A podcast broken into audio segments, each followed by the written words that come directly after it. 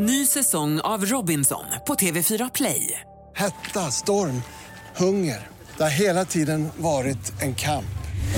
Nu är det blod och tårar. Fan händer just nu. Det. är Detta är inte okej. Robinson 2024, nu fucking kör vi!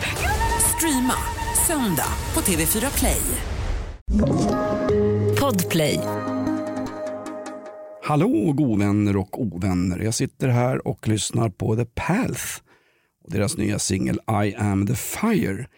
Jag helt eh, skamlöst promar kompisars nya rockband Hans, men du är helt fokuserad på att sälja in podden. Det. här är nämligen podden Off Limits med Jonas Nilsson, Hans Wiklund i studion. Normalt sett så hör du oss på FM-bandet i det gamla utdöda mediet radio där vi kör en morgonshow i rockklassiker från 5.30 till 9 varje morgon. Den går ju bra den där förbannade morgonshowen, större än P3 eller större än PK3 som det heter. Just det, men nu lyssnar ni på podden och det gör ni säkert genom podplay.se eller podplay-appen i telefonen eh, för då hör ni ju podden en dag tidigare, det vill säga idag, onsdag. Jag lyssnar via en buttplugg.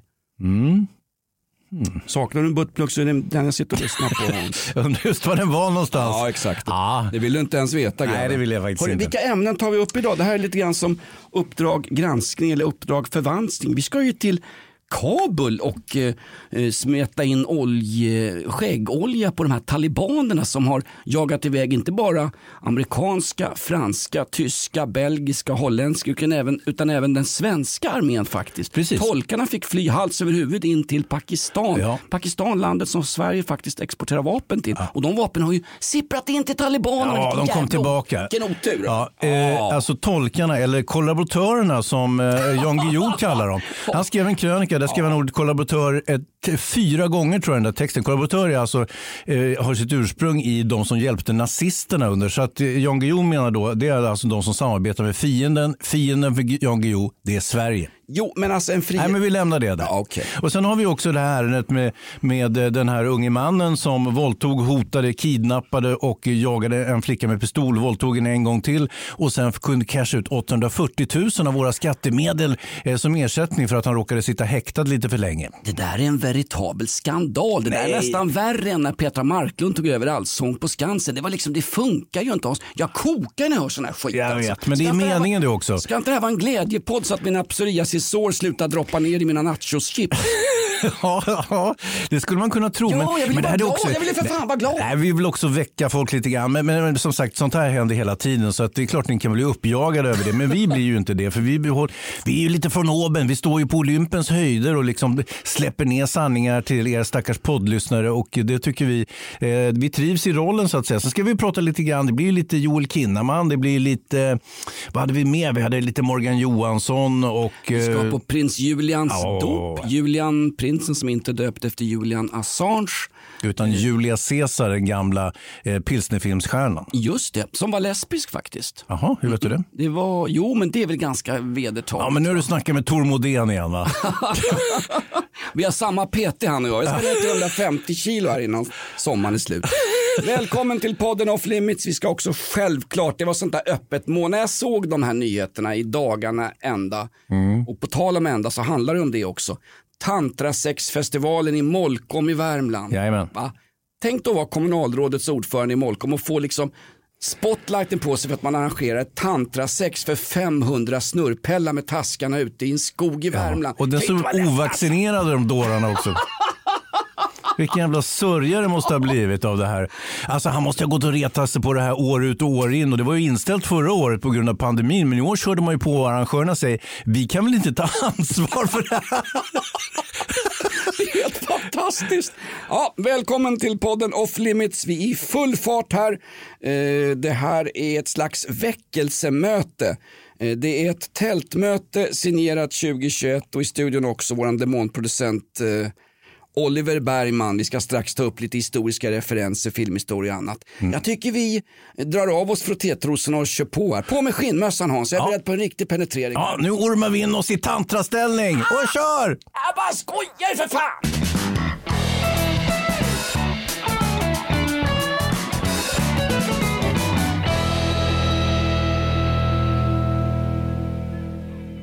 Sen ska det hånas och kränkas. Nu spelar du in va? Underbart. Eh, Hans Wiklund kom något sent i studion, men Oliver och jag har suttit här och pratat om barn och nativitet och barnafödande. Det finns ju mycket naivitet runt nativitet.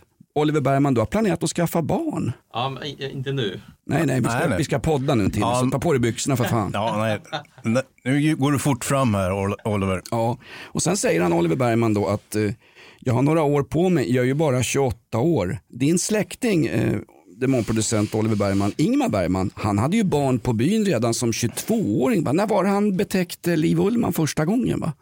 Jag tror att det sprattlade till och blev barn ganska direkt. Va? Han har väl barn med Liv Ullman då? Eh, ja, alltså nu kan inte jag tågordningen där. Det är ju en successionsordning inom Bergman-familjen. Bergman kunde inte heller ordningen på ungarna. Vet du. Han hade ju massa så kallade, som man sa då, oäkta barn. ja, ja. Men hellre ett rejält oäkta barn än ett äkta som jag brukar säga. Exakt. Eh, Du kan ta med dig burken ut. Det är några burkar till spermabanken här sen. Oliver Bergman i studion, Hans Wiklund, Jonas Nilsson. Normalt sett hörde oss på, jag kan inte säga det längre, Morgonrock som är en succéshow på radion, ett gammalt Ja. utdött medium som snart ska utplånas. Podden, det är det roliga. Där är det yttrandefrihet. Det är tvärt emot vad det är i kabel just Ja, nu. ja, det är framtiden. Alltså, ja, hur ska de kunna hålla reda på vad man säger i Kabul? Det är så ofattbart rörigt där nu. Men här tycker jag att eh, Eh, man bör inleda en dialog med de här människorna som hugger händerna av folk. Man har redan börjat avrätta folk på gator och torg. Hörde du? En vanlig familj i centrala Kabul eh, kan få påhälsat. Det kommer talibaner då som oftast, talibankrigare är oftast då yngre män från landsbygden om det inte är pakistanier som har vält in över gränsen. Mm. Eh, de kan gå och knacka på dörren eh, till bostäder inne i Kabul och kräva att få äta middag där. Ja, Därför det. det finns ingen, det finns ingen trossbotten. Eh, botten. Nej, men det finns, ingen, det finns inga, inga försörjningsmedel, det finns inga restauranger, det Nej, finns nej. ingen, inga försörjningsled till den talibanska armén. Det bygger på att man går in hos bönder och i det här fallet då stadsbor i Kabul, knackar på dörren, sätter sig ner och käkar. Liksom. Just det, just det. Men de måste ju äta. Jo, jag vet, men alltså någonstans ska vi ha en dialog med folk som skjuter folk på gator och torg. Det är ungefär som att att någon skulle ha sagt 1940 1943, liksom, kan vi inte prata med nazisterna i Ukraina som samlar ihop folk i kyrkor och tuttar på? Va? Kan vi inte göra det? Jag tror inte man kan prata med folk alltså. Nej, det, nej, det tåget har nog gått just vad, gäller talibanerna. Men jäklar vad de, vilken snabb mobilisering de gjorde. Amerikanerna hann ju i stort sett bara eh, kliva på hangarfartyget så, var, eh, så hade de slagit till på bred front och kapade provins efter provins, stad efter stad. Det måste ju vara någon sorts rekord i krigföring. Ja, rekord, rekord i moraliskt förfall, alltså näst efter podden Off Limits vad det gäller moraliskt förfall. Just det. 300 000 utbildade regeringssoldater har kostat miljarders miljarder dollar för eh, först Trump-administrationen och för det var det väl han eh, Det började med George Bush. Ja, George dubbelfel Bush, Barack Obama. Det är en fin sån här successionsordning för att prata sånt. 300 000 pers hade de tjänstgörande. Talibanerna var 75 000 beväpnade män. Det här är amerikanska underrättelseuppgifter. De brukar ju inte stämma, men ungefär 75 000. De gav helt enkelt bara upp. Nu sägs det att det fanns mängder av lojala talibaner i regeringsstyrkorna. Alltså man gick in i en by och sa så här, vill ni kämpa för eran gud Allah, ni som inte kan läsa den här byn, eller vill ni kämpa för lite peanuts money här och kämpa på regeringssidan för demokrati? Gissa vad de valde. Ja, alltså, eh, det är ju, motivationen är ju den bästa drivfjädern i krig oavsett egentligen utbildning och antal eh, soldater. Det var ju så man förlorade Vietnamkriget en gång i tiden. Det var ju att Vietkong, eller ja, de kallas ju Vietkong, eh, de var ju motiverade. Det var ju en väldig skillnad på, på vietnamesisk eh, militär och den amerikanska. Så att, eh, Men var det inte Olof Palme som stopp, stoppade Vietnamkriget? Eller har jag återigen eh, överskattat svensk utrikespolitik 1946 till 1975? Lite grann, men Ja. du vilken jäkla bondtur hon har, våran, eh, våran utrikesminister. Ann Linde. Ja, det, här, det som seglade upp här precis innan eh, talibanerna tog kontroll över, över Afghanistan, det var ju att vi har ju lämnat de här stackars tolkfigurerna som har hjälpt våra, våra svenska soldater som var där i sin tur för att hjälpa de amerikanska soldaterna. Och nu har vi lämnat dem vind för våg och de, de borde få komma hit då, och Molgan Johansson han säger då det är 10 tusen stycken och med deras familjer, det blir liksom, det blir ett nytt 2015 och vi får hit 100 000 afghaner. Nej, så visade det sig att det var 12 stycken och det där var ju liksom... Nu ringer Ann Linde. Det kan vara en busringning. Hon har, hon har ju råkat ut för sånt också i sommar. Ja, men det var någon ukrainare som ringde va? Herregud. Vilken, alltså vilken, vilken, vilken fjäder i den gamla stråtrövarhatten för vår fina Ann Linde. Alltså vårt märke utåt. Ja, hon var blåst helt enkelt. Det var en busringning. Jo, men en utrikesminister som sitter i tio minuter och pratar med två eh, ryska eh, Tonåringar. Ja, pajasar, ungefär som du och jag, helt Ja. utan någon slags bärighet Ja. i, i research eller kontroll. Ringer och skojar med henne, hon sitter och berättar. Vi kommer aldrig förhandla med, Mm. med Ryssland om den här Nord Stream till exempel, eller om den andra gasledningen. Hon säger det rakt ut, officiella hemligheter. Mm. Motringde inte den här kvinnan när hon får reda på att det är, de sa att de var lierade med Navalny. Ja, Han som var på teparty hos Putin och råkade rätt illa ut efteråt. Faktiskt. Exakt, ja, han är fortfarande, sitter ju på kåken så att han har det trassligt nog så att säga. Mm. Men för att återvända till han Lindes bonröta. alltså när hon satt som värst i klistret med de här afghanska tolkarna, då smäller det borta i Afghanistan och det är fullt krig och alla har glömt bort de jävla tolkarna skiter alla i nu.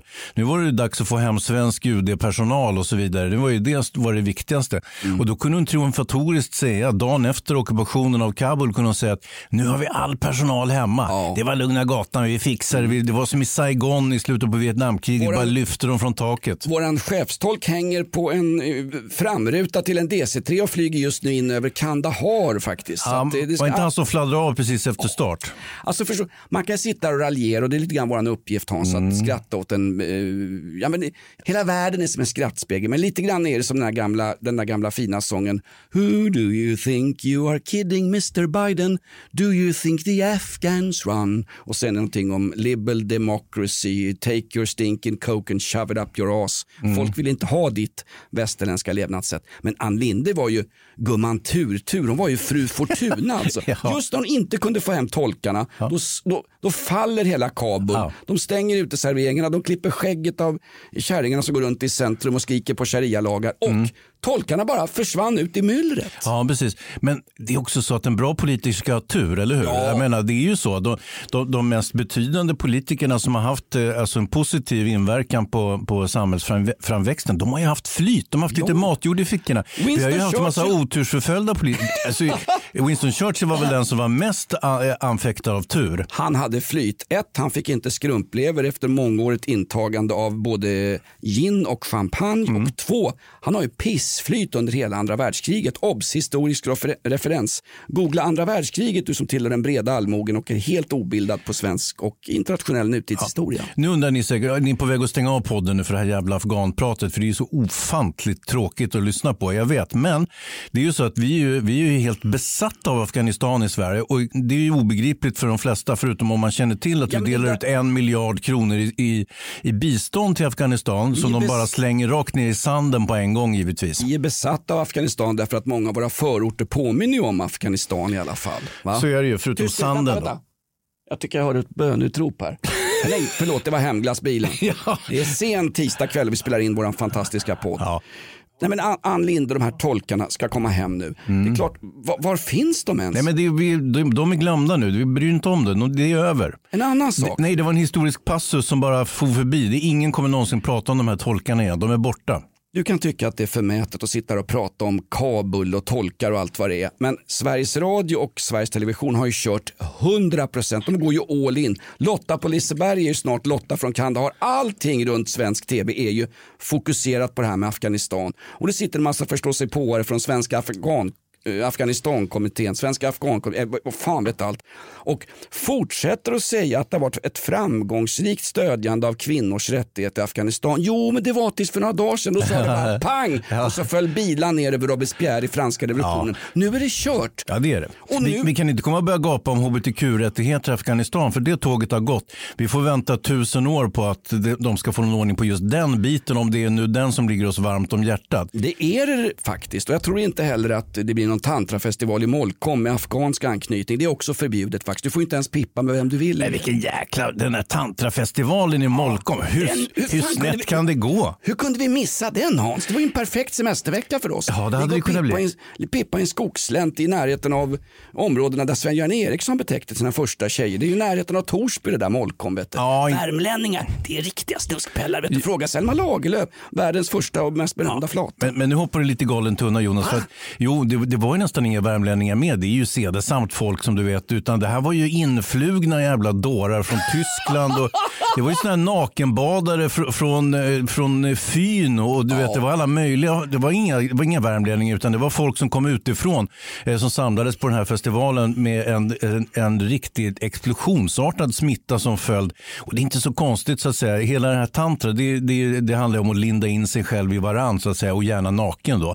Och li, ligga och mysa för att nå någon form av eh, insikter. Och folk som åkte på det där var lite sånt där. Det var lite new age-troll, det var flashback-skribenter, det var off-limits-poddare, det Ja. var lite sånt där foliehattar och chemtrails och alla de som tror att alla andra är utsatta för konspirationsteorier när de själva är de allra främsta på att lansera just Ja. konspirationsteorier i sociala medier. De var ju helt befriade från alla former av vaccinationer till att börja med. Det var ju, var ju därför det var ett sånt rejält utbrott. Och det var, var det 90 pers som insjuknade Exakt. Eh, Torsten- på, efter en vecka. Torsten Flink var ju en rask och frisk yngling jämfört med de som blev allra, allra sämst sjuka. Och någon sosse, något sossekommunalråd i Molkom, Ja, kommunalrådet. var det? Okej. Eh, en eh, person som vräkte ur sig och kallade folk för idioter och knullsjuka på Twitter. Och så sa någon sådär, "Och du, du är ju kommunalråd här i en, i en svensk kommun, du kan inte använda det här Nej, ska man språk." uttrycka sig så? Exakt. Och då svarar han, ja, jag uttryckte mig så därför att nu kommer ni hit. Riksmedia med Sveriges Radio och SVT. Hade jag bara skrivit ett vanligt menlöst Twitter som alla andra gör. Han kunde ha skrivit att det var helt oacceptabelt eller fullständigt oacceptabelt. Ja, han kunde haft eh, Stefan Alltså Löfven. Mm. Löfvens spökskrivare. Absolut, det kunde han ha tagit. Annars är det bara käbbel, käbbel, käbbel. Det här är ett betalt samarbete med Villa Fönster. Du behöver lite mer tryck nu Jonas. Tryck! Villa Fönstersnack med Linnea Bali. Villa, villa, fönster, fönster, fönster med Bali, Bali, Bali. Jonas, nu tänker jag lära dig lite om Villa Fönster. Lär mig baby. Villa Fönster är en rikstäckande leverantör av fönster och dörrar till dig som konsument och byggföretag. Och vet du vad Jonas? Vadå? Jag har en spaning. Ja. Det som gör dem så unika är att de har Sveriges bästa leveranstid. Ja, det går undan har jag hört va? Ja, det gör det. För man tänker kanske som konsument så här, åh nej, det här kommer ta så lång tid. Men inom tre veckor alltså så har du ett svenskt nyproducerat fönster som är redo för omgående avhämtning eller leverans. Oj, oj, oj, inom tre veckor. Är det inte så också, jag har hört ryktena, de har Sveriges största fönsterlager va? Ja, med 500 olika varianter av fönster. Och eftersom de allra flesta av oss vill ha olika storlekar på fönster så kan Villa Fönster dessutom göra anpassningar såsom spröjs, spaltventil med mera. Oj, oj, oj Linnea, du övertygar här. Du vet inte vad en persedel är för någonting, men spröjs och spaltventiler. Här har jag nästan läst på universitetet om det här. Ja, och är det någon som har koll så är det Villa Fönster. Historisk referens här. Har du? Ja, alltid. Ända sedan 2008 så har Villa Fönster alltid haft visionen att erbjuda kvalitetsprodukter till rätt pris och kortast möjliga leveranstid. Ja, jag är nöjd Men vadå? med vårt Villa Fönstersnack. Villa Fönstersnack med Linnea Bali. Villa, villa, fönster, fönster, fönster med Bali, Bali, Bali. Tack Villa Fönster. Ny säsong av Robinson på TV4 Play. Hetta, storm, hunger. Det har hela tiden varit en kamp. Nu är det blod och tårar. liksom. Fan händer just det. Det är detta inte okej. Robinson 2024, nu fucking kör vi! Streama söndag på TV4 Play. Ett poddtips från Podplay. I fallen jag aldrig glömmer djupdyker Hasse Aro i arbetet bakom några av Sveriges mest uppseendeväckande brottsutredningar. Går vi in med hemlig telefonavlyssning och, och då upplever vi att vi får en total förändring av hans beteende. Vad är det som händer nu? Vem är det som läcker?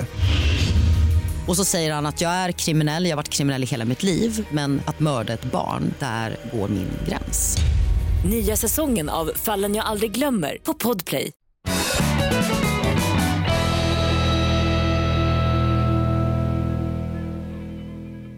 Du, en sak som också är oacceptabel. Har du hört den här sorgsamma historien om eh, mannen som tillsammans med sin bror våldtog, misshandlade, kidnappade, hotade en kvinna med pi- med pistol och sen våldtog henne igen. Och som plåster på såret fick 840 000 kronor av våra skattepengar i ersättning. Var det han som var för ung för att bli dömd eller för att sitta häktad och när han kom ut då efter att han hade gjort det här så var det ungefär som han hade skrapat på triss. Kaching sa det bara. Han fick ju mer stålar än Kaj Linna ju. Ja, det fick han. Eh, Nästan, nästan. Damir Ali heter han. Jag tog mig friheten att säga hans namn. Jag hoppas att vi inte blir stämda nu. Då och får han väl en 800 papp till från våra fickor. Det har jag inte ens. Nej. Hörru du, eh, Ebba Busch och eh, Kristersson och de, och de här lite högervridna politikerna de, de tyckte att nej, det här är faktiskt inte okej. Ska en våldtäktsman få 840 000 kronor av våra skattepengar i ersättning? Det kan väl ändå inte vara riktigt korrekt. Fast vänta nu, den lagstiftande församling där alla tidigare uppräknade politiker inklusive uthus... Eh, Börsan och, och, och Vaden Kristersson. ja, de vaknar ju alltid först efter det att kvällstidningarna har vaknat. Eller hur? Mm, Ja, så är äh, det. vänta förresten. Kvällstidningen har inte skrivit så mycket om det här. Det här kommer från annat håll Hans. Vi fick den här som ett tips till morgonshowen. Ja, det det här var för magstarkt för att prata om, om det i radion. Där lägger ju Kabul-locket på. Men här kan vi faktiskt nämna det. Det här är ju en förbannad skandal Hans. Ja, jag är beredd att rösta på exakt vad som helst. Bara sån här skit stoppas. Ja, precis. Men som sagt, podden. de där senfärdiga Busch och Kristersson, de, de ondgjorde sig. Men samtidigt var ju en del knäpptysta. Man hörde ju ingenting från kända feminister som, som Mia Skäringer, eller Eva Röse eller Cissi Wallin och så. De verkade inte alls intresserade av just det här ärendet. Mia Skäringer hälsar på Twitter, no more fucks to give och dessutom har lagt sig under kniven. Hon ska ju plastikoperera sig nu efter kampen mot att allas kroppar lika mycket värda har gått förbi. Har, du, har du sett promotionbilderna på Skäringer? Nej. Det är någon som har skärt i Skäringer kan jag säga. Oj. Hon är ju perfekt stylad. Jag Wow. vill också lägga mig under kniven och se bra ut. Kanske man kan få ligga på andra ställen än i en skogsglänta i Molkom när det är Ja, tantrasexfestival. men du, ta en tripp ner till Medborgarplatsen i Stockholm så kan du nog bli knivhuggen av valfri afghan där. Ska du se. Penetration. Ja, du, men, men som sagt, eh, om jag får återvända till det här förskräckliga ärendet med 840 000 kronor till Damir Al-Ali så var det ju så att den här våldtagna kvinnan, eller flickan, för det var ju en ung flicka, eh, hon eh, direkt efter det här eh, brottet så gick hon hem till sina föräldrar och berättade vad som hade hänt. Va? Eh, så att den När här, är det här Ja, tidsmässigt? Eh, Vad du menar? 2018. Eh, Och Al-Ali, eh, alltså huggormars avföda som jag kallar honom, han greps ju på en gång och häktades. Polisen och åklageriet gjorde allting korrekt. Eh, Han var ju dessutom dömd för en våldtäkt redan så det var ju ganska enkelt att plocka in honom så att säga. Så han häktades ju på dagen. Det här är ju värre än Kapten Klänning och Breivik och Cosby på en gång. Det här är nog maximalt ju. Ja, alltså grejen är så här. Han, han dömdes ju för, för våldtäkten sen. Men i Sverige har vi ett sinnrikt system som man kallar för mängdrabatt. Det vill säga ju fler grova och hemska brott du begår, desto kortare straff får du. Det vill säga du döms bara för det grövsta brottet och sen så får du räkna bort allt annat skit som du har hittat på. Så att du blir till exempel dömd i det här fallet för våldtäkt men slapp då vapenbrott, eh, dödshot, misshandel, kidnappning och allt det här andra. Och anledningen till det här är att om du, om du blir dömd för ett svårt brott så ska du liksom snabbt kunna återanpassas in till det så kallade samhället. Ja. För att du inte ska ha för mycket om foten. Så ställ... Ja. Men det här har man ju diskuterat. Det här är ju oerhört känsligt. Det här är som en, en ollonspets på en tantrafestival. Det här ska Mm. man ju ta bort. Straffrabatt, mängdrabatt ska ju tas bort. Och mängdrabatt är ett raljant uttryck för någonting som faktiskt har fått en hel del ungdomar att kunna komma tillbaka in till Vad samhället. fan snackar du för skit? och gå ut i vanlig Har arbetslöshet. du blivit kommunist? Nej, och gå ut i vanlig arbetslöshet.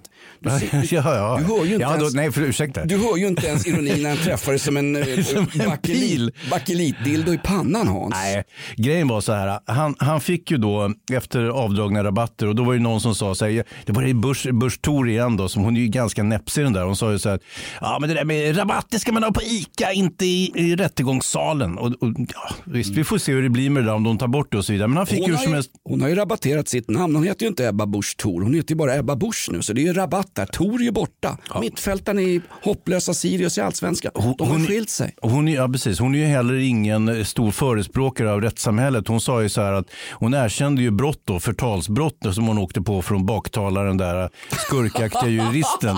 Och så, så, så vart hon ju dömd och så, så, så, säger han så här, ja, jag erkänner. Ja men har du gjort det? Nej, jag är oskyldig, jag har inte gjort det. Ja men du sa sa ju precis, du har ju accepterat domen, du har ju sagt ja. Ja, men nej, det, ja, det var jag tvungen att säga, men jag är oskyldig. Exakt, hon erkänner sig skyldig fast hon är oskyldig och eh, sen ställde hon sig och drog ner eh, frottétrosen och kissade på lagen i stort sett. Ja. Det, det jag tycker är märkligt. Sverige är ju ett, ett förbannat Pippi Långstrump-land med kling och klang och allt vad det är och gängskjutningar och det är skitprogram på radion och det är Lotta på Liseberg och Ja, Soldoktorn. ja. Någonstans när en kristdemokrat som i alla andra västeuropeiska länder är någon slags moralkonservativ person, när hon kommer med radikala förslag vad det gäller svensk lagstiftning för ungdomsbrottslingar, hur man köper uthus längs Roslagskusten etc. Det har blivit tvärtom på något sätt. Ska inte hon hålla på det gamla, det stabila, det som visade sig inte funka vare sig i Kandahar, Kabul eller i svenska storstäder? Nej, men det, det är väl en rimlig invändning tycker jag. Men, men hon verkar inte särskilt kristen helt enkelt. Hon är ju ursprungligen från Livets Ord. Jo, jo, men det är väl det- det är alla de där. Ja. Eller som det kallades när Ulf Ekman stod och spottade på, eh, i kyrkan i Uppsala, salivets ord. Just det. Där har du. Demagogen. Hon eh, är, Ulf. hon är livets ordare vet du. Jaha, ja, ja, ja. Och Det, det är många från den generationen som är det. För det var ju, det var ju så att säga trendigt på den tiden att vara med i Livets Ord. Det var ju så att säga den, den religionen som då körde tuffast stil, hade bäst te, eh, tedrickning, hade stickade flest halsdukar och, och Hon du vet var lite Carola mer... innan hon skaffade Ja, lösbröst började sula dam, eh, sula dam, började sula blomkrukor på personalen på Allsången på Skansen. Kommer du ihåg det? Mm. Carola åker ner i något slags, jag vet inte, något mentalt hål, börjar tala i tungor, skriker om kärlek och sula blomkrukor på folk på Allsången. Ja. Berghagen fick ju avgå, sålde ju sin blå kavaj på Blocket för 400 spänn. Det var en Versace. Var det en Versace? Ja, alltså det är en Versace. Men, men eh, Lasse Berghagen kunde inte säga det. Han sa att det här är en Versace. Då ska man inte ha en Versace-kavaj för tiotusentals kronor. Det sa ju han också, vad heter han, Eh, han är väl insomnad nu, sångaren i Lasse Stefans. Han sa, Nej, han är väl inte insomnad. är han inte? Nej, det är några andra där. Jag hörde senaste albumet via en släkting och det låter som att de har dött alla i den. Ja, nej då, nej, då, de är stillgångsstad. Men du, Lasse jag- Stefan Jaha. sa, han sa ju också att eh, han hade köpt någon svindyr kostym. Ja, den här kostar ju 20 000 på... Blocket? Nej, men Nej, han hade gått på någon sån här, vad heter den här? S- Loppmarknad? Galne Gunnar? Ska- Rusta? Ja, nu hör vi hur du handlar. Ica-baronen? Nej, han var i London och så gick han på Savile Row som är Londons ansedda herrkonfektions och skrädderigata. Då Ja. sa han, jag köpte en kostym för 20 000 spänn. Oj, vad är det för kostym? Det är en Paul Smith.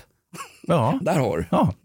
Du, får behöver jag... inte veta vad det heter för att kunna göra det. Ja, det, får jag återvända till den här sorgsamma historien om, om Al-Ali, huggormars avföda? Som, 840 000 kronors mannen som han kallas i media. Ja, numera har han ju 840 000 kronor på sitt bankkort. Alternativt kanske har han det i sedlar hemma, jag vet inte. Han fick alltså fyra och ett halvt års fängelse i hovrätten. Han skulle fylla 19 år eh, 2017 när eh, brottet begicks. Eh, nu kommer ärendet så småningom upp i Högsta domstolen och då säger samme Al-Ali att han skulle fylla 15 vid tillfället. Det vill säga inte 19 utan 15, vilket är en stor skillnad. Eh, och dessutom kunde han anföra eller hänvisa till en undersökning gjord av det rättsmedicinalska verket eh, när han kom till Sverige. Eh, och där kunde man då konstatera att nja, han kunde nog kanske vara 15 eller ännu yngre. Alltså fullt möjligt med, med tanke på den höftmätning och, och, och kol 14. Alltså de där är ganska godtyckliga de här rättsmedicinalverkets undersökningar av- av Det tycker du. Det ungefär en, en rättsmedicinal undersökning om någons ålder. Är ungefär lika godtyckligt som när jag åker till bilverkstaden med Mikaelas bil. Vad Ja. kostar det? Ah, Jonas, det går på en 2-3 tusen. Sen dyker man upp dagen efter. Ah, vi hittar lite annat skit. 12, 13. Ja, 14 000 Jonas. Ja. Hörru, jag vill fan ha mängdrabatt på det skulle jag säga. Ja, det skulle, där skulle man kunna tänka. Var han 15 år, då får han inte ens ha samlag vare sig i ett eh, cykelförråd eller i, på en tantrafestival i Molkom. Nej, det är sant. Så då borde ju flickan eller kvinnan istället åtalats då. Men hon var ju tydligen då eh, i samma ålder så att eh, hon var ju faktiskt då eh, 15. Men, men han hävdar ju då att han är 15 och således då hade han ju suttit häktad i över två år. Va? Och då släpptes han ju på en gång och dessutom hade han suttit häktad längre än straffet då, det vill säga två års fängelse. Kunde han inte släppa någon singel så att P3 kunde spela den och, och poängtera att vi måste skilja på verk och person? Ja, Om det inte är Han har ju- rockgruppen Mustasch som körde ner en ölflaska lite osmakligt mellan tuttarna på någon Ja, studiopersonal. det var inte okej. Blev, nej, det var det inte. Och de blev bannlysta från varenda SR plus SVT-inspelning och har varit bannlysta sedan dess. Men Mm. Inte enligt eh, gängse norm numera, lex Yasin Byn. Ja, precis. Ja, men det är lite olika. Det beror lite på Ja. konstnär såklart. Eh, men, men hur som helst, och, han har inte gett iväg någon singel den här, eller någon, någon låt den här eh, Al, Ali heller, vad jag vet. Men han, nu har han i alla fall produktionsmedel. Han har ju 840 papp att lägga på en produktion och han kan göra video i hela rasket så att säga. Och torgföra den mot P3 så att det, det är ju inte helt otänkbart att det blir så. Men här säger jag som duktiga eh, svenska eh, kriminalreportrar, jag tänker på, eh, nu kommer jag inte på en enda riktigt duktig svensk Ja, kriminalreporter. det finns flera stycken. En som har skrivit det här ärendet det är ju Ossian Cantwell i- Aftonbladet till exempel. Orsen Cantwell, eh, nu ska vi se. Vänta nu, det är hans text jag läser innantill ifrån så att eh, något fel på honom är det minsann inte. Okej, Orsin Cantwell, nu ska vi se, det är vågrätt 7, eh, sex Ja, bokstäver. skit i honom nu. Vänta, vågrätt 7, sex bokstäver, Orsin Cantwell. Det måste bli metoo. Aha. Ja, det får du kolla upp sen. Ja, ja. Jurister och krönikörer, då, inklusive honom som vi precis nämnde, säger då att det blir lite tokigt här nu. Att han har fått så mycket pengar fast han har begått en förskräcklig våldtäkt, kidnappning, mordhot och så vidare. Eh, men samtidigt så är, eh, får man ju säga att eh, den här Al-Alis advokat, han har gjort ett strålande jobb som lyckats trycka upp det här till och med i högsta domstolen fast det är bara skit. Samtidigt så är det ju någonting som har gått lite snett om han sitter häktad i två år för ett ärende som verkar otroligt lätt att döma i. Det borde man kunna dömt veckan efter han blev häktad mer eller mindre så hade man ju sluppit den här skiten. Får jag bara gissa att Åklagarmyndigheten har sagt någonting i stil med vi är överhopade och vi har inga resurser. vet vad man kallar, ursäkta mig, vet vad man kallar 6000 döda advokater på Östersjöns botten? Nej. En bra början. På riktigt, det är ju lagvrängare Hans. Alltså, jag, jag blir så upprörd så att jag får en jag får en sån här midsommarklump i käften. Ja, jag hör vad du säger. Det här är så... Jag ser det komma upp nu också. Det här är så... Oh, här kommer det covidkräm också. Nej, Jag råkar ju svälja på tantrafestivalen. Jag bara säga, det här är så upprörande så att kommer det fram någon person och säger hej jag heter si och så, rösta på mig så ska jag ta bort allt sånt där. Jag tror Mm. att det allmänna rättsmedvetandet för en sån som mig som sitter och förfasar mig över vad skit som står i kvällstidningar och flygplan som kommer med tolkar hängandes i vingarna från Kabul. Jag blir ju upprörd alltså. Mm. Jo, men det- Det och du, du är så saklig, jag är inte den typen. Nej, men grejen är, nej precis. Och, och här, jag säger ju det här hyfsat liksom lugnt och balanserat för att du ska kunna jaga upp dig och även ni som lyssnar ska kunna jaga upp er. För det är klart som fan, jag skulle nästan kunna gå så långt som att vara som Stefan Löfven och säga att det här är ju helt oacceptabelt. Eller vänta, vänta det, det är oacceptabelt, inte helt oacceptabelt. Sträcker du så långt? så Ja, att jag är så, jag på, så, sådana ord kan jag är inte som det där jävla kommunalrådet i Molkom som börjar prata om knulla och grejer i ett tweet. Det är ju, det är ju också oacceptabelt. Då tänder jag en lampa därför att för första gången så har vi tagit itu med det som inte är så himla bra i folkhemmet Sverige. Könsord.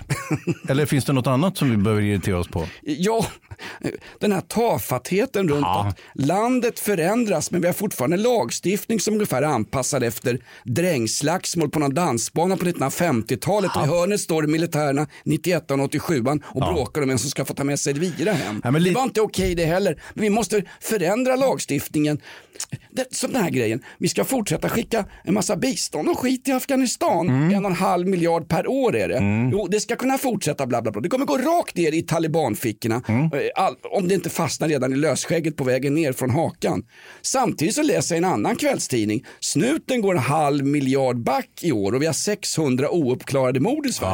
Ja. Kan vi inte ta afghanpengar och lösa lite gängmord i Sverige och ge polisen mera resurser? Det kan väl gå till genuskurser eller till eh, nya tider för innebandyträningen för polishögskolorna. Samtidigt så, kom, samtidigt så kommer vi möjligtvis att kunna få en, eh, en invasion av krigsflyktingar från just Afghanistan. Och då kommer polisen ha händerna fulla här eh, hur som helst. Liksom. Ja, jag har adressen var de ska bo. Här. Var? Eh, Jag ska se. Vad fan, är det hemma hos mig? nej, det är en adress uppe i Täby till någon Reinfeldt. Ja, där ja. Öppna era hjärtan står det på dörren. Hörru. Ja. men det kommer ju hända. Och sen blir det väl klimatflyktingar också Hans. Det var ju 47,7 grader nere i Sicilien. Ja, nej, till, nej. till och med maffian börjar svettas. Ja, precis. Nej, jag tänkte på det här regnvädret på i Norrlandskusten i, i veckan. här. De kommer ju norrlänningarna börja flytta ner till Stockholm för det är ju alldeles, de sitter ju upp till knäna i vatten där. Mm. Det blir en ny utflyttning ungefär som vi flytt inte på 1970-talet. Ja, kommer du ihåg det? Norrlänningarna flyttade ner och eh, sitter fortfarande och dricker fulöl på våra sunkak i storstäderna faktiskt. Inget fel på Norrland, men det är förbannat stort och glesbefolkat. Ja.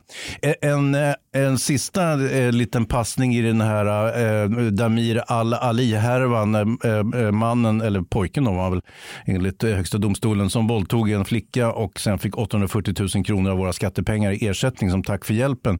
Det är ju så att de här pengarna behöver han inte använda till att betala skadeståndet till flickan eller kvinnan numera eh, som han våldtog.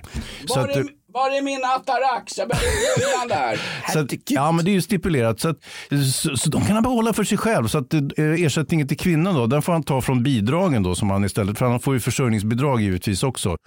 Eh, Nej men han är väl, det är väl arbetslinjen som gäller för att citera Reinfeldt igen. Han ska väl ut på den så kallade öppna arbetsmarknaden. jag tror att förresten staten kommer att betala skadeståndet till kvinnan. Så att han behöver inte bekymra sig om det. har inte... inte- det heller. Så att han, kan, han har 840 papp att sätta sprätt på. Han kan göra precis vad han vill. Nu var det ju så att JK i det här fallet som, som utdömde skadeståndet. Hon var ju alltså, lite kantig kan jag tycka. För hon kunde ju ha varit lite sådär. Hur gör vi med det här? Är det inte så att han kanske har satt sig i den här situationen eh, själv den här jävla Al, eh, eh Ali. Eh, och, och att han då kanske inte skulle ha så mycket i skadestånd trots att han satt häktad i nästan ett år för mycket. Här vill jag poängtera att justitiekanslern hon är alltså kantig och inte tantig. För vi har sett bilder på henne i massmedia under veckan och det var väl inte något. Jag menar, alltså, ska jag bedömas utifrån att jag ser ut som en påse ankskit i Nordsjön kan vi göra det med henne också. Ja, hon kan ju- väl fräscha upp sig lite. Ja, det- hon, hon, såg ut, hon såg ut som en hovpatrask som var på prins Julians eh, dop där. Vad hade folk gjort? Va? Ja, ut- dök hon Morgan Johansson upp utan kajal utan propeller på ryggen. Jag satt och skämdes som den gamla royalist jag är. Ja, nej, nej, JK påminner väldigt mycket om Kristerssons fru och det är ju inte bra alltså. Ja, det tycker jag är helt oacceptabelt. Ja, det är det faktiskt. Den Men, jämförelsen. och sen ska vi inte sitta här och hacka på kvinnors utseende. Det är bättre att de hackar på vårt utseende. Då kan jag säga så här, då säger jag som Christer Pettersson i Palmerättegången. Mm. Jag, har inte, jag har inte kritiserat någonting, jag har bara klargjort min position. Va? Jaha. Och det kommer du undan med. Gör man det? Ja. Ja, men ändå. Det är så tråkig stil att sitta och, och klaga på eh, vuxna, duktiga kvinnors utseende. Men det har jag inte gjort Hans, jag bara drar en parallell, en, pa, en parafras på hur Men hon är ingen Cindy Crawford, det kan vi väl säga. Cindy Crawford som fyllde 70 här i veckan. Nej, det gjorde hon väl inte? Hörru, nej men så här är det, jag är för fin där jag som backstusittare sitter och poddar och går på människors utseende. Men det här dopet, för att återkomma till det, när prins Mm. Julian döptes ute på Drottningholm.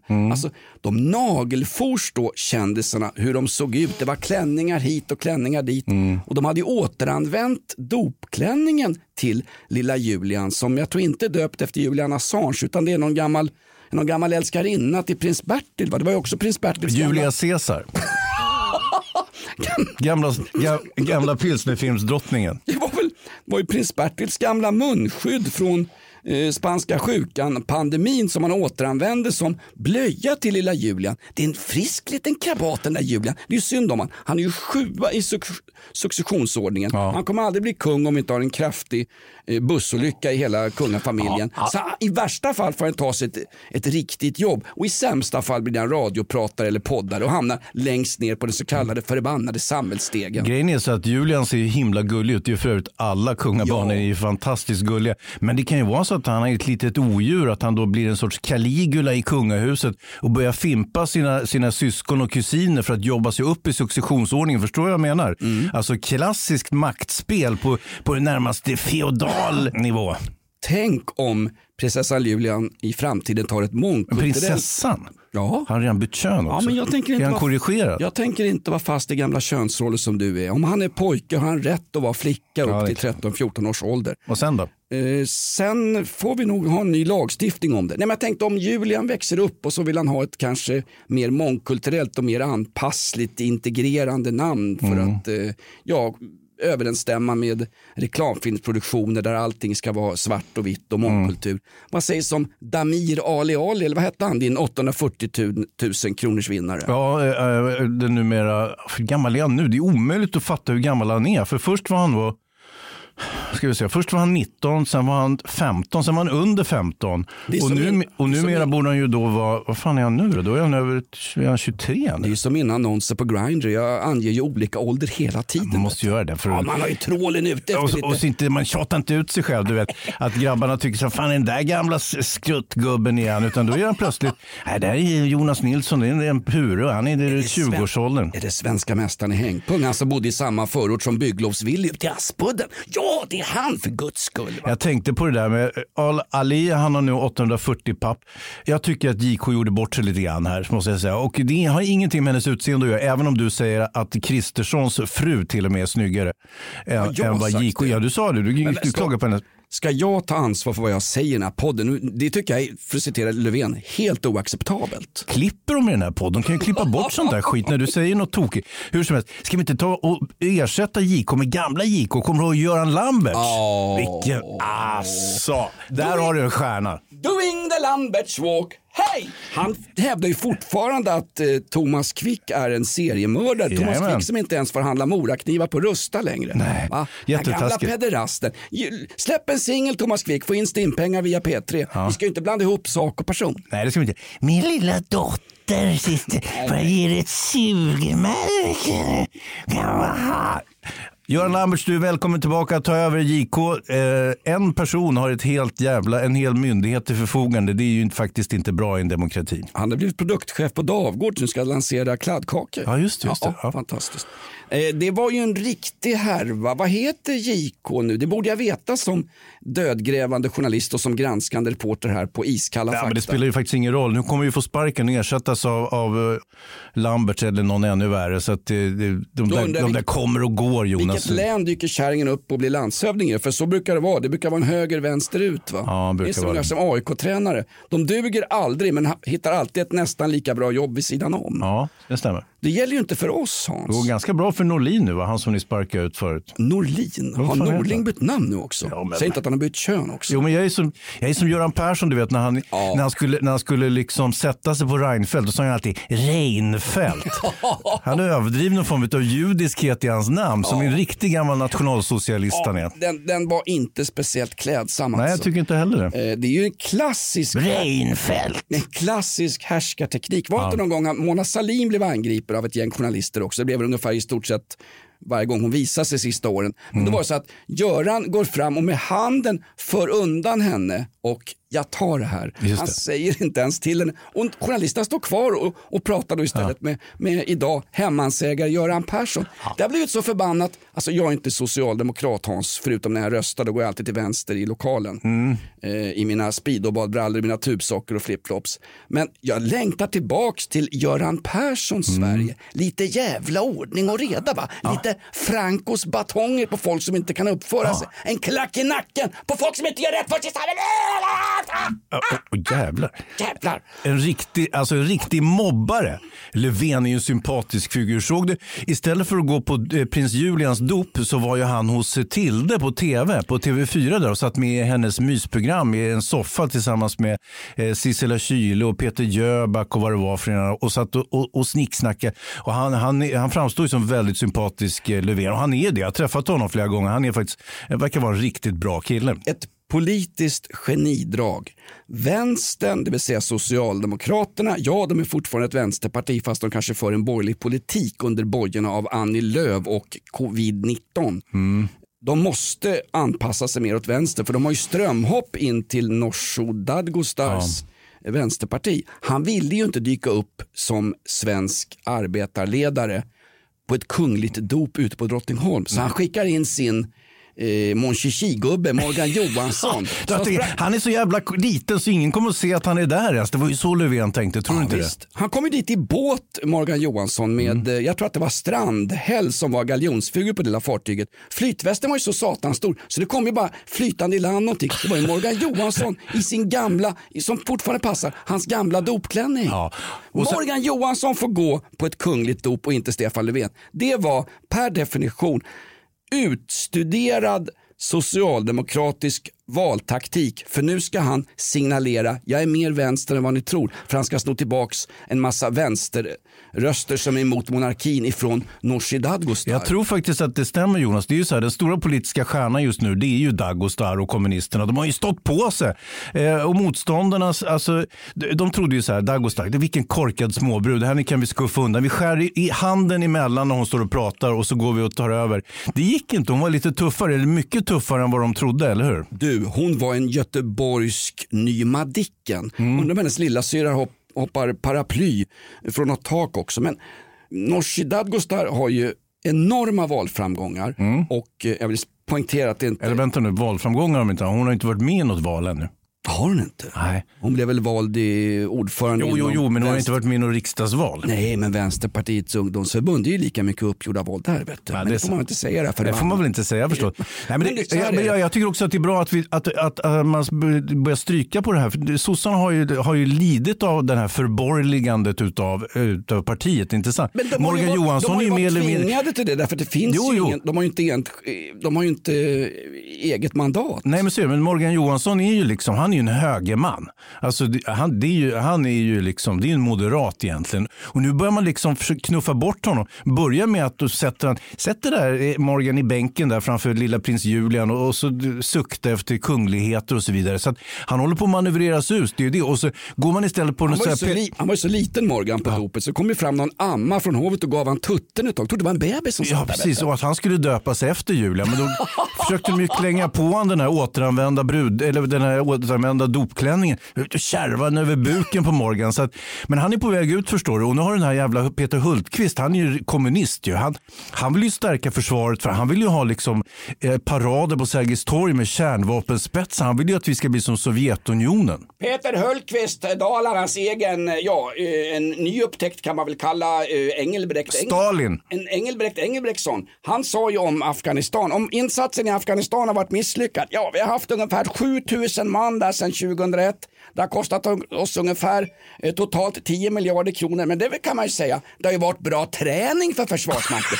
Ska vi träna på stackars bönder i en stenöken som tillber Allah? Där går min gräns i alla Ja, fall. faktiskt. Och dessutom så... Du tror att Morgan Johansson är på väg ut? Ja, men sen säger Hultqvist och alla hans, de här krigshetsarna, krigsmånglarna, de, de säger med jämna mellanrum, ja, hade vi bara stannat kvar i Afghanistan två, tre år till så hade vi löst det. Du vet den här vanliga jävla dårskapen och sen säger det, är po- vi- det är politikerna som har sabbat för oss. Och Hultqvist har inte fattat att han, han är ju varken politiker eller militär. Han är ju, han är ju, det är bara kommunist. Hade vi bara stannat i Vietnam hade vi löst de problemen Ja. också. Vietnam som är idag en ekonomi i fritt fall under socialistisk regim. Jo. Och jag säger inte att napalm, hamburgare och eh, amerikanska gettokillar med eh, M16-vapen hade varit någon slags lösning. Det behöver inte bli bättre för att amerikanerna des- deserterar ett land. Nej, det blir det inte. Men eh, Afghanistan tror jag, eh, det måste nog kanske, det är ju ett, en nations födelse med alla de besvär de kommer att ha. Birth of a Nation, jävla otäck gammal film. Det här är en historisk referens. Birth of a Nation är en riktigt vidrig film som jag tror är totalförbjuden i vissa länder för den har ett, en rasistisk ton. va? Jag kan säga att det är ett mästerverk. Nej. D. W. Griffith, den moderna filmkonstens grundare Jonas. Du kan inte sitta här och såga av det med, med, med ditt vänstersnack. Alltså, det är en fantastisk film. Sen har den ju rent ideologiskt, rent innehållsligt vissa problem givetvis tycker du? eftersom den skildrar slavtiden i ett lite romantiskt skimmer. Men som film Den får betraktat Onkel Toms stuga och se ut som en und undervisningsfilm från Skolverket. Ja, men det är en undervisningsfilm. När jag läste filmvetenskap då ansågs ju både den här och eh, hans eh, senare film The Clansman också vara eh, framstående filmkonst.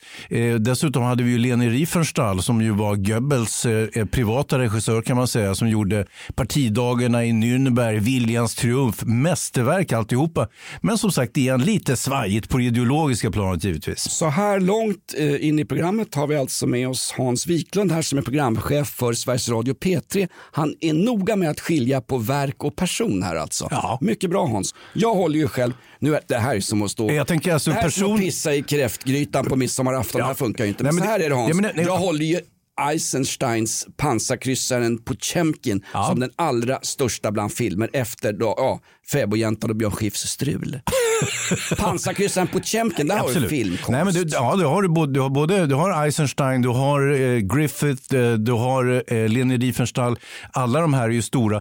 Eh, men när vi skiljer på verk och person, eller konstnär och konstverk, då kan vi konstatera att konstverket är fantastiskt, personen är inte hundraprocentig. Ungefär som Yasin Byn. Då. Fast jag kan säga Jaff- Yassins inflytande över liksom samtiden och, och eh, konst, konsthistorien kanske inte kommer bli lika betydande eh, som till exempel Griffith eller Leni Riefenstahl. Ny säsong av Robinson på TV4 Play. Hetta, storm, hunger. Det har hela tiden varit en kamp.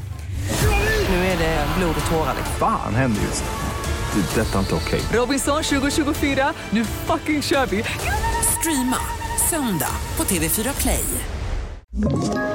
Ett poddtips från Podplay. I fallen jag aldrig glömmer djupdyker Hasse Aro i arbetet bakom några av Sveriges mest uppseendeväckande brottsutredningar. Går vi in med hemlig telefonavlyssning och, och då upplever vi att vi får en total förändring av hans beteende. Vad är det som händer nu? Vem är det som läcker? Och så säger han att jag är kriminell, jag har varit kriminell i hela mitt liv men att mörda ett barn, där går min gräns. Nya säsongen av Fallen jag aldrig glömmer på Podplay.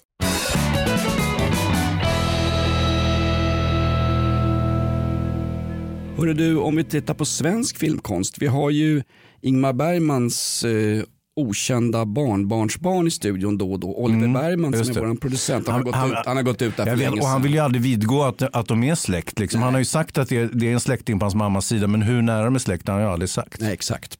Jag vill ta upp, eh, nu är det riktigt gamla referenser, men du pratade ju om, eh, vad hette han förra veckan, hörde Fatty Arbuckle. Ja, Fatty Arbuckle, stumfilmsstjärnan från 20-talet som så olyckligt stod på näsan efter våldtäktsanklagelser och sen Exakt. friades i en tre år lång eh, rättegång, med, med, gång, men då var karriären slut. Han fick ju mängdrabatt och nästan 840 000 spänn i vanligt schysst kokain som var billigt på den tiden i, i Kalifornien, Nej, Los Angeles. det Nej, men, svenska filmer, vi har ju Vad som helst med Joel Kinnaman. Okej, är det övervakningskameror vi tittar i? Är det sådana filmer eller är det eh, Snabba Cash? Mm. Snabba Cash, det heter ju filmen förresten med din afghanska kompis där, han som blev eh, friad och fick mängdrabatt och allt möjligt. Ah, ja. Där kan du snacka om Snabba Alla Cash. Ja. Ja, det, var, det var snabba cash. Alltså, Viktor Sjöström kör. den liran går ju runt med en riktig guldrolex nu nere i, i, i Västra Götaland. Nej, nu blandar du ihop honom med Jan Emanuel, känd ifrån Expedition Robertsson som handlar om Alf Robertsons liv. Alf Robertson, svensk outlaw countrys kanske pièce de résistance, alltså det största vi har. Ja, så vänta, du ska du spela musik nu mitt upp alltihopa? Nej, det ska jag inte göra. Så långt uh, tänker jag inte. Nej, vill man höra musik då får man stå ut med gammaldags Vad ska du hitta på nu då? Nu ska jag hitta på någonting. Jag nämnde nyss Jan Emanuels, Jan, Jan Emanuel. Var slog han igenom som innan han skaffade en massa välfärdsboenden för missanpassade ungdomar, HVB-boenden och lyfte en satans massa pengar ur det allmänna? Han gjorde ju en bra insats i eh, tv-programmet Robinson och sen var Där han ju, satt han ju i riksdagen också. Där har du Expedition Robinson. Och det för mig os. Satt han i riksdagen fan? Mm. Det tycker jag är, gjorde han. fan håller du på med? Jag håller på och spelar upp någonting Nej det gör du inte. Du sitter och trycker som en pensionär på din telefon. Jag vet vad du har din G-punkt, det är därför jag trycker där. Vet du vad jag ska spela upp? Nej. Expedition Robinson kommer ju nu, eh, du som är tv-freak liksom mig Hans, i en kändisversion. Mm. Ja just det. The Island. Ett uh, brittiskt koncept. Ja. Är det sant? Mm. Okej. Vilka brittiska kändisar var med i? Jag har ingen aning. Var? Eller om det är ett amerikanskt. Jag vet, det är i alla fall ett format som då liknar Robinson men det är med kändisar istället. Just det. Och då har de grävt långt ner i Alltså känd- folk som blev kända genom att vara med i vanliga Robinson och som anses vara kändisar. Typ Robinson, Martin Ja, och sådär. eller den där varanen som folk käkade av. Han blev ju sen, eller hen blev ju sen programledare för Antikrundan bland annat. Så Ja, alla som var med i Expedition Robinson från början blev ju kända. Ja, och sen Jan Emanuel kanske blev en av de kändare. Ja, en av de rikare i alla fall. Mm. Eh, och eh, nu ska ju nya kändisar lanseras i det här kändis-Robinson. Och då är det färdiga kändisar i The Island, Expedition Robinson kändisversionen. Mm. Så här sa Maria Montazami till alla vi som är hennes Ja, fans. hon ska vara med i, i den här såpan. Ja. Just det. Ja. Problemet för Maria Montazami, denna, ja, vad är hon egentligen? Västmanlänning. Ja, hon är västmanlänning. Absolut, hon är en fantastisk, sorglös och fin person. Ibland önskar jag att jag vore som Maria Montazami så slapp min hjärna koka på allt skit jag ser runt om i Ja, men är realitystjärna, hon ser alltid något gott i någon och, och verkar tycka att de flesta situationer är mer eller mindre bra och det blir trevligt. Hon är väldigt positiv. Hon ser något positivt i allting. Jag är ju precis tvärtom. Ja, det är min lott. jävla surkuk är du. Det är min lott i livet. Du låter ungefär som den där kommunordföranden i Molkom. Du får sila snacket här. Sila snacket? Vad är du, en gammal pilsnerfilm? är vad du En är? gammal pilsnerfilm. Hörru, så här sa Maria Farbror Nilsson. Farbror Nilsson det var ju halv alkisen som bodde granne med Madicken. Ja, det. Och det är ju ett personporträtt av mig. Men det var Allan Edwall som spelade, var det Ja, inte det? fantastiskt. Salig åminnelse, vilken fantastisk skådespelare. Allan Edwall som dök upp som uh, ung gosse i kortbyxor i Leni Riefenstahls gamla Viljans triumf. Den får ni googla på gott folk. Det hävdar ju Hans i filmhistoria. Den där kan vi få skit för Hans. Vet du. Tror du? Bland allt det andra vi har sagt i den här podden den här veckan. Vilket avsnitt vi har haft. Ja, fast jag tycker det är det här hacket på fruntimmer. Man får inte ens säga fruntimmer. Det får vi sluta. Det här misogyna skiten, det får vi lägga av med. Men vad har jag sagt? Ja, men du har inte sagt något särskilt, men jag tänker, det är ju jag som har sagt, men Ja. jag trodde att det var du. Vet du vad? Din börda är också min börda för att citera James Joyce. Det du råkar ut för Hans, Mm. det, det, eh, det tar jag ansvar för. Jag är bakom dig Hans. Jag är ungefär 200 meter bakom dig om det blir en fight. Ja, jag, jag är lite orolig för hur det ska gå för... Nu kommer någon jävel här. Nej, det, det, det är någon annan. Han har inte med det här att Ja, göra. men det här DN-podden smyger runt Det är den här. där jäveln. Ju Jag tycker deras- han har manchesterbyxor på sig. Tjena! Ja, är du som är Davva? Jag som är Dabba. Jobbar du på DN? Nej. Nej, då hade jag bett dig gå ut vet du. Ja. Men du ska ta hand om oss nu. Ja, Vad fan är Bergman då? Ja, ja, han, eh, han sitter i något möte nu. Typ. Ja, ja, Fan, ja. Bergman har skickat Max von Sydow kommer här. Men du, exakt. Ja, ja, spela men, Maria Montazami här när hon ska berätta hur de ska göra i Expedition Robinson. Gör det Och äntligen. det är fantastiskt. do it already. Maria Montazami verkar inte ha fattat vad Expedition Robinson är. Alltså man får käka ödlekött och tjafsa med främlingar på en öde ö. Utan Blir myggbiten arslet. Myggbiten. Så här låter den här Maria Montazami förklara vad hon skulle göra i Expedition Robinson. Hon verkar inte ha riktig koll för en gångs skull. Vänner, nu är det så att jag ska åka på filminspelning tre veckor. Jag vet inte riktigt om hur det här kommer gå. I alla fall så hoppas jag på sol och bad, och fin härlig dryck, nya vänner och mycket skratt. Men jag återkommer om tre veckor så får vi se hur det har gått. Herregud, Massor med alltså. somriga kramar till er alla. Kan någon berätta för Maria? Det är ju inte exakt, det är ju liksom Nej, inte... nej, det är ingen chartersemester hon ska åka på. Klipp till, hon sitter liksom anfrätt av malaria och, och liksom eh, eh, bensår i en jävla sandhög och äter sjöstjärna eller skogshjärta eller vad det är för någonting. Mobbad av de andra som hon tror är hennes kompisar. Det kommer bli förfärligt ju. Och på 7000 fots höjd ovanför Maria Montazami flyger det sista planet från Kandahar mot Sverige med en tolk hängande i ena vingen. Ja. Det är ju skandal Hans. Nej, för dåligt. Du, eh, avslutningsvis bara, vi, vi måste följa upp det här ärendet med eh, Sveriges eh, superskådespelare, export till Hollywood, Joel Kinnaman. Han varit ju, han, det, det, är ju- det är en jä- jäkla historia med den här kvinnan som, som har anklagat honom för, för övergrepp. Och nu har hon ju fått ett ombud också, oj, oj. Fritz. Fritz, hon är ju livsfarlig. Hon ställer upp på, på alla eh, utsatta kvinnor. Men det har varit... Elisabeth Massi Fritz, Fritzen, som är, ja. ja. Fritzen, som är ökänd för att fakturera fler timmar än vad hennes eh, juridiska ombud faktiskt lägger ner på, på sina klienter. Absolut, men hon är, hon är väldigt fingerfärdig ändå. Ja. Liksom. Inte, inte minst när det gäller fakturorna, men också juridiskt. Hon verkar inte, jag vet inte om hon har läst juridik eller om hon bara hittat på. Men Jag kan ha den djupaste respekt för människor som utför sin profession på ett adekvat sätt. Ja. Som till exempel Oliver Bergman, vår producent. Nej, skit i honom. Som har den goda smaken att sticka härifrån och skicka in skicka en hantlangare. Ja, klokt. Nej. Eh, men, men det har ju varit märkvärdigt tyst från kända feminister så det är ingen som liksom ställer upp på Fritz klient riktigt här, eller, eller målsägaren. Eh, så att det ser lite mörkt ut för det här ärendet. Jag såg Leif GW Persson trodde nog att eh, åklagaren skulle slänga det här fallet åt helvete så vi får väl se lite grann hur det utvecklar sig. Eh, Elisabeth Massi Fritz hade inte tagit sig anfallet om hon inte trodde hon hade en rimlig chans att vinna i alla fall. Hon är ungefär som Djurgården i ett fotbollsderby. Det ska vara en rimlig chans till ett resultat innan man ställer upp. Inte, helt, nej, är, inte är som målsägarbiträde. Det, det, det, så behöver det, fakt- eh, det, det behöver inte alls vara på det sättet. Hon, klienten begär att få Fritz. Är Fritz ledig och, eh, och inte liksom i någon jävposition, då måste hon nästan ta det. Va? Det, det är ju kutym så att säga bland jurister. Så att, Ja, framförallt om tv-kameror och media är på och man sitter och tjafsar om skiten i mindre i litterära poddar som till exempel den här podden Off Limits. nej, men som sagt, om Fritz bara får tala ut i tv och tidningar så är hon supernöjd. Exakt. Vi lever trots allt i ett pommes frites land som McDonalds brukar säga. Dava! Du är en jävla bra kille hör. Jag vet inte vem du är men tack för att du håller DN-folket ute här. Vet. Det kommer ju Manchester, en Manchester-kostymarmé kom hit vet, och ska berätta hur det ligger till i det här landet. Ja. Ja, nej, de försöker vi hålla stången så länge vi kan. Vi, vi som sagt med hugg och slag och, och eh, fula miner gör vi mot det också. Jonas grimaserade alldeles nyss. De gick ju förbi, vilken var det? Wolodarski som gick här skavde förbi. Och så... Nej, ja, det var ingen grimas Hans, jag fick en stroke vet du.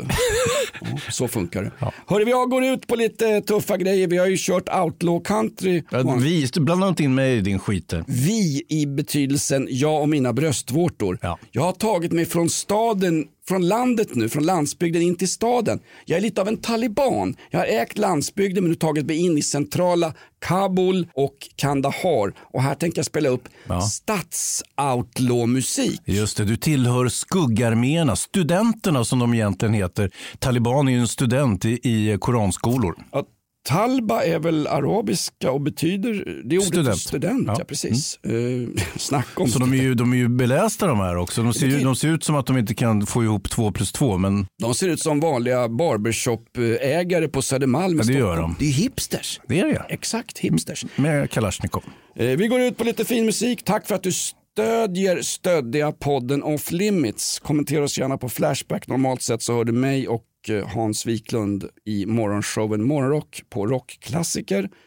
Eh, men här är det full frihet och vi har per definition både åsikts och yttrandefrihet om allting utom vad det gäller justitiekanslerns utseende. För första gången i mitt torftiga liv ångrar jag någonting. Ja, det där var faktiskt jättetaskigt. Ah, nu kollar jag i backspegeln fast jag ska kolla genom vindrutan. Vi är på väg framåt med den här podden. Vi är en förbannad succé. Alltså, ja. eller hur Dava? Ja, gud ja. Jag har känt Dabba ja. i alla år. En bra kille. Ja. Du. du har aldrig sett karln förut? Nej, det har jag inte. Jag har en naturlig lögn. Jag har jobbat som bilhandlare hemma i Vällingby som mycket, mycket ung. Mm. Det är natt i en hård stad. Det är tufft. Det är natt i en hård stad och det blir aldrig morgon nå mer Underbart. Men är det spirituals? Fick han det ifrån? Det är från början en negro spirituals. Nej, man säger inte det där första ordet. Jo, jo. Nej, det heter bara spirituals nu. Jaha, är det så? Ja, okay. så att, eh, hörni, vill ni lyssna på podden hörni, en dag till? Jag tror att det är fler än en som lyssnar på den här podden. Hörru du får du säga. Hörru du, eh, vill du lyssna på podden lite tidigare så går du in på podplay.se och använder eh, appen eh, Podplay eh, som du har nedladdad i din eh, telefon. Och då hör du podden för alla andra så kan du, kan du skrävla med nya insikter och kunskaper och eh, olika påhopp som du kan säga är dina fast egentligen Jonas. Exakt.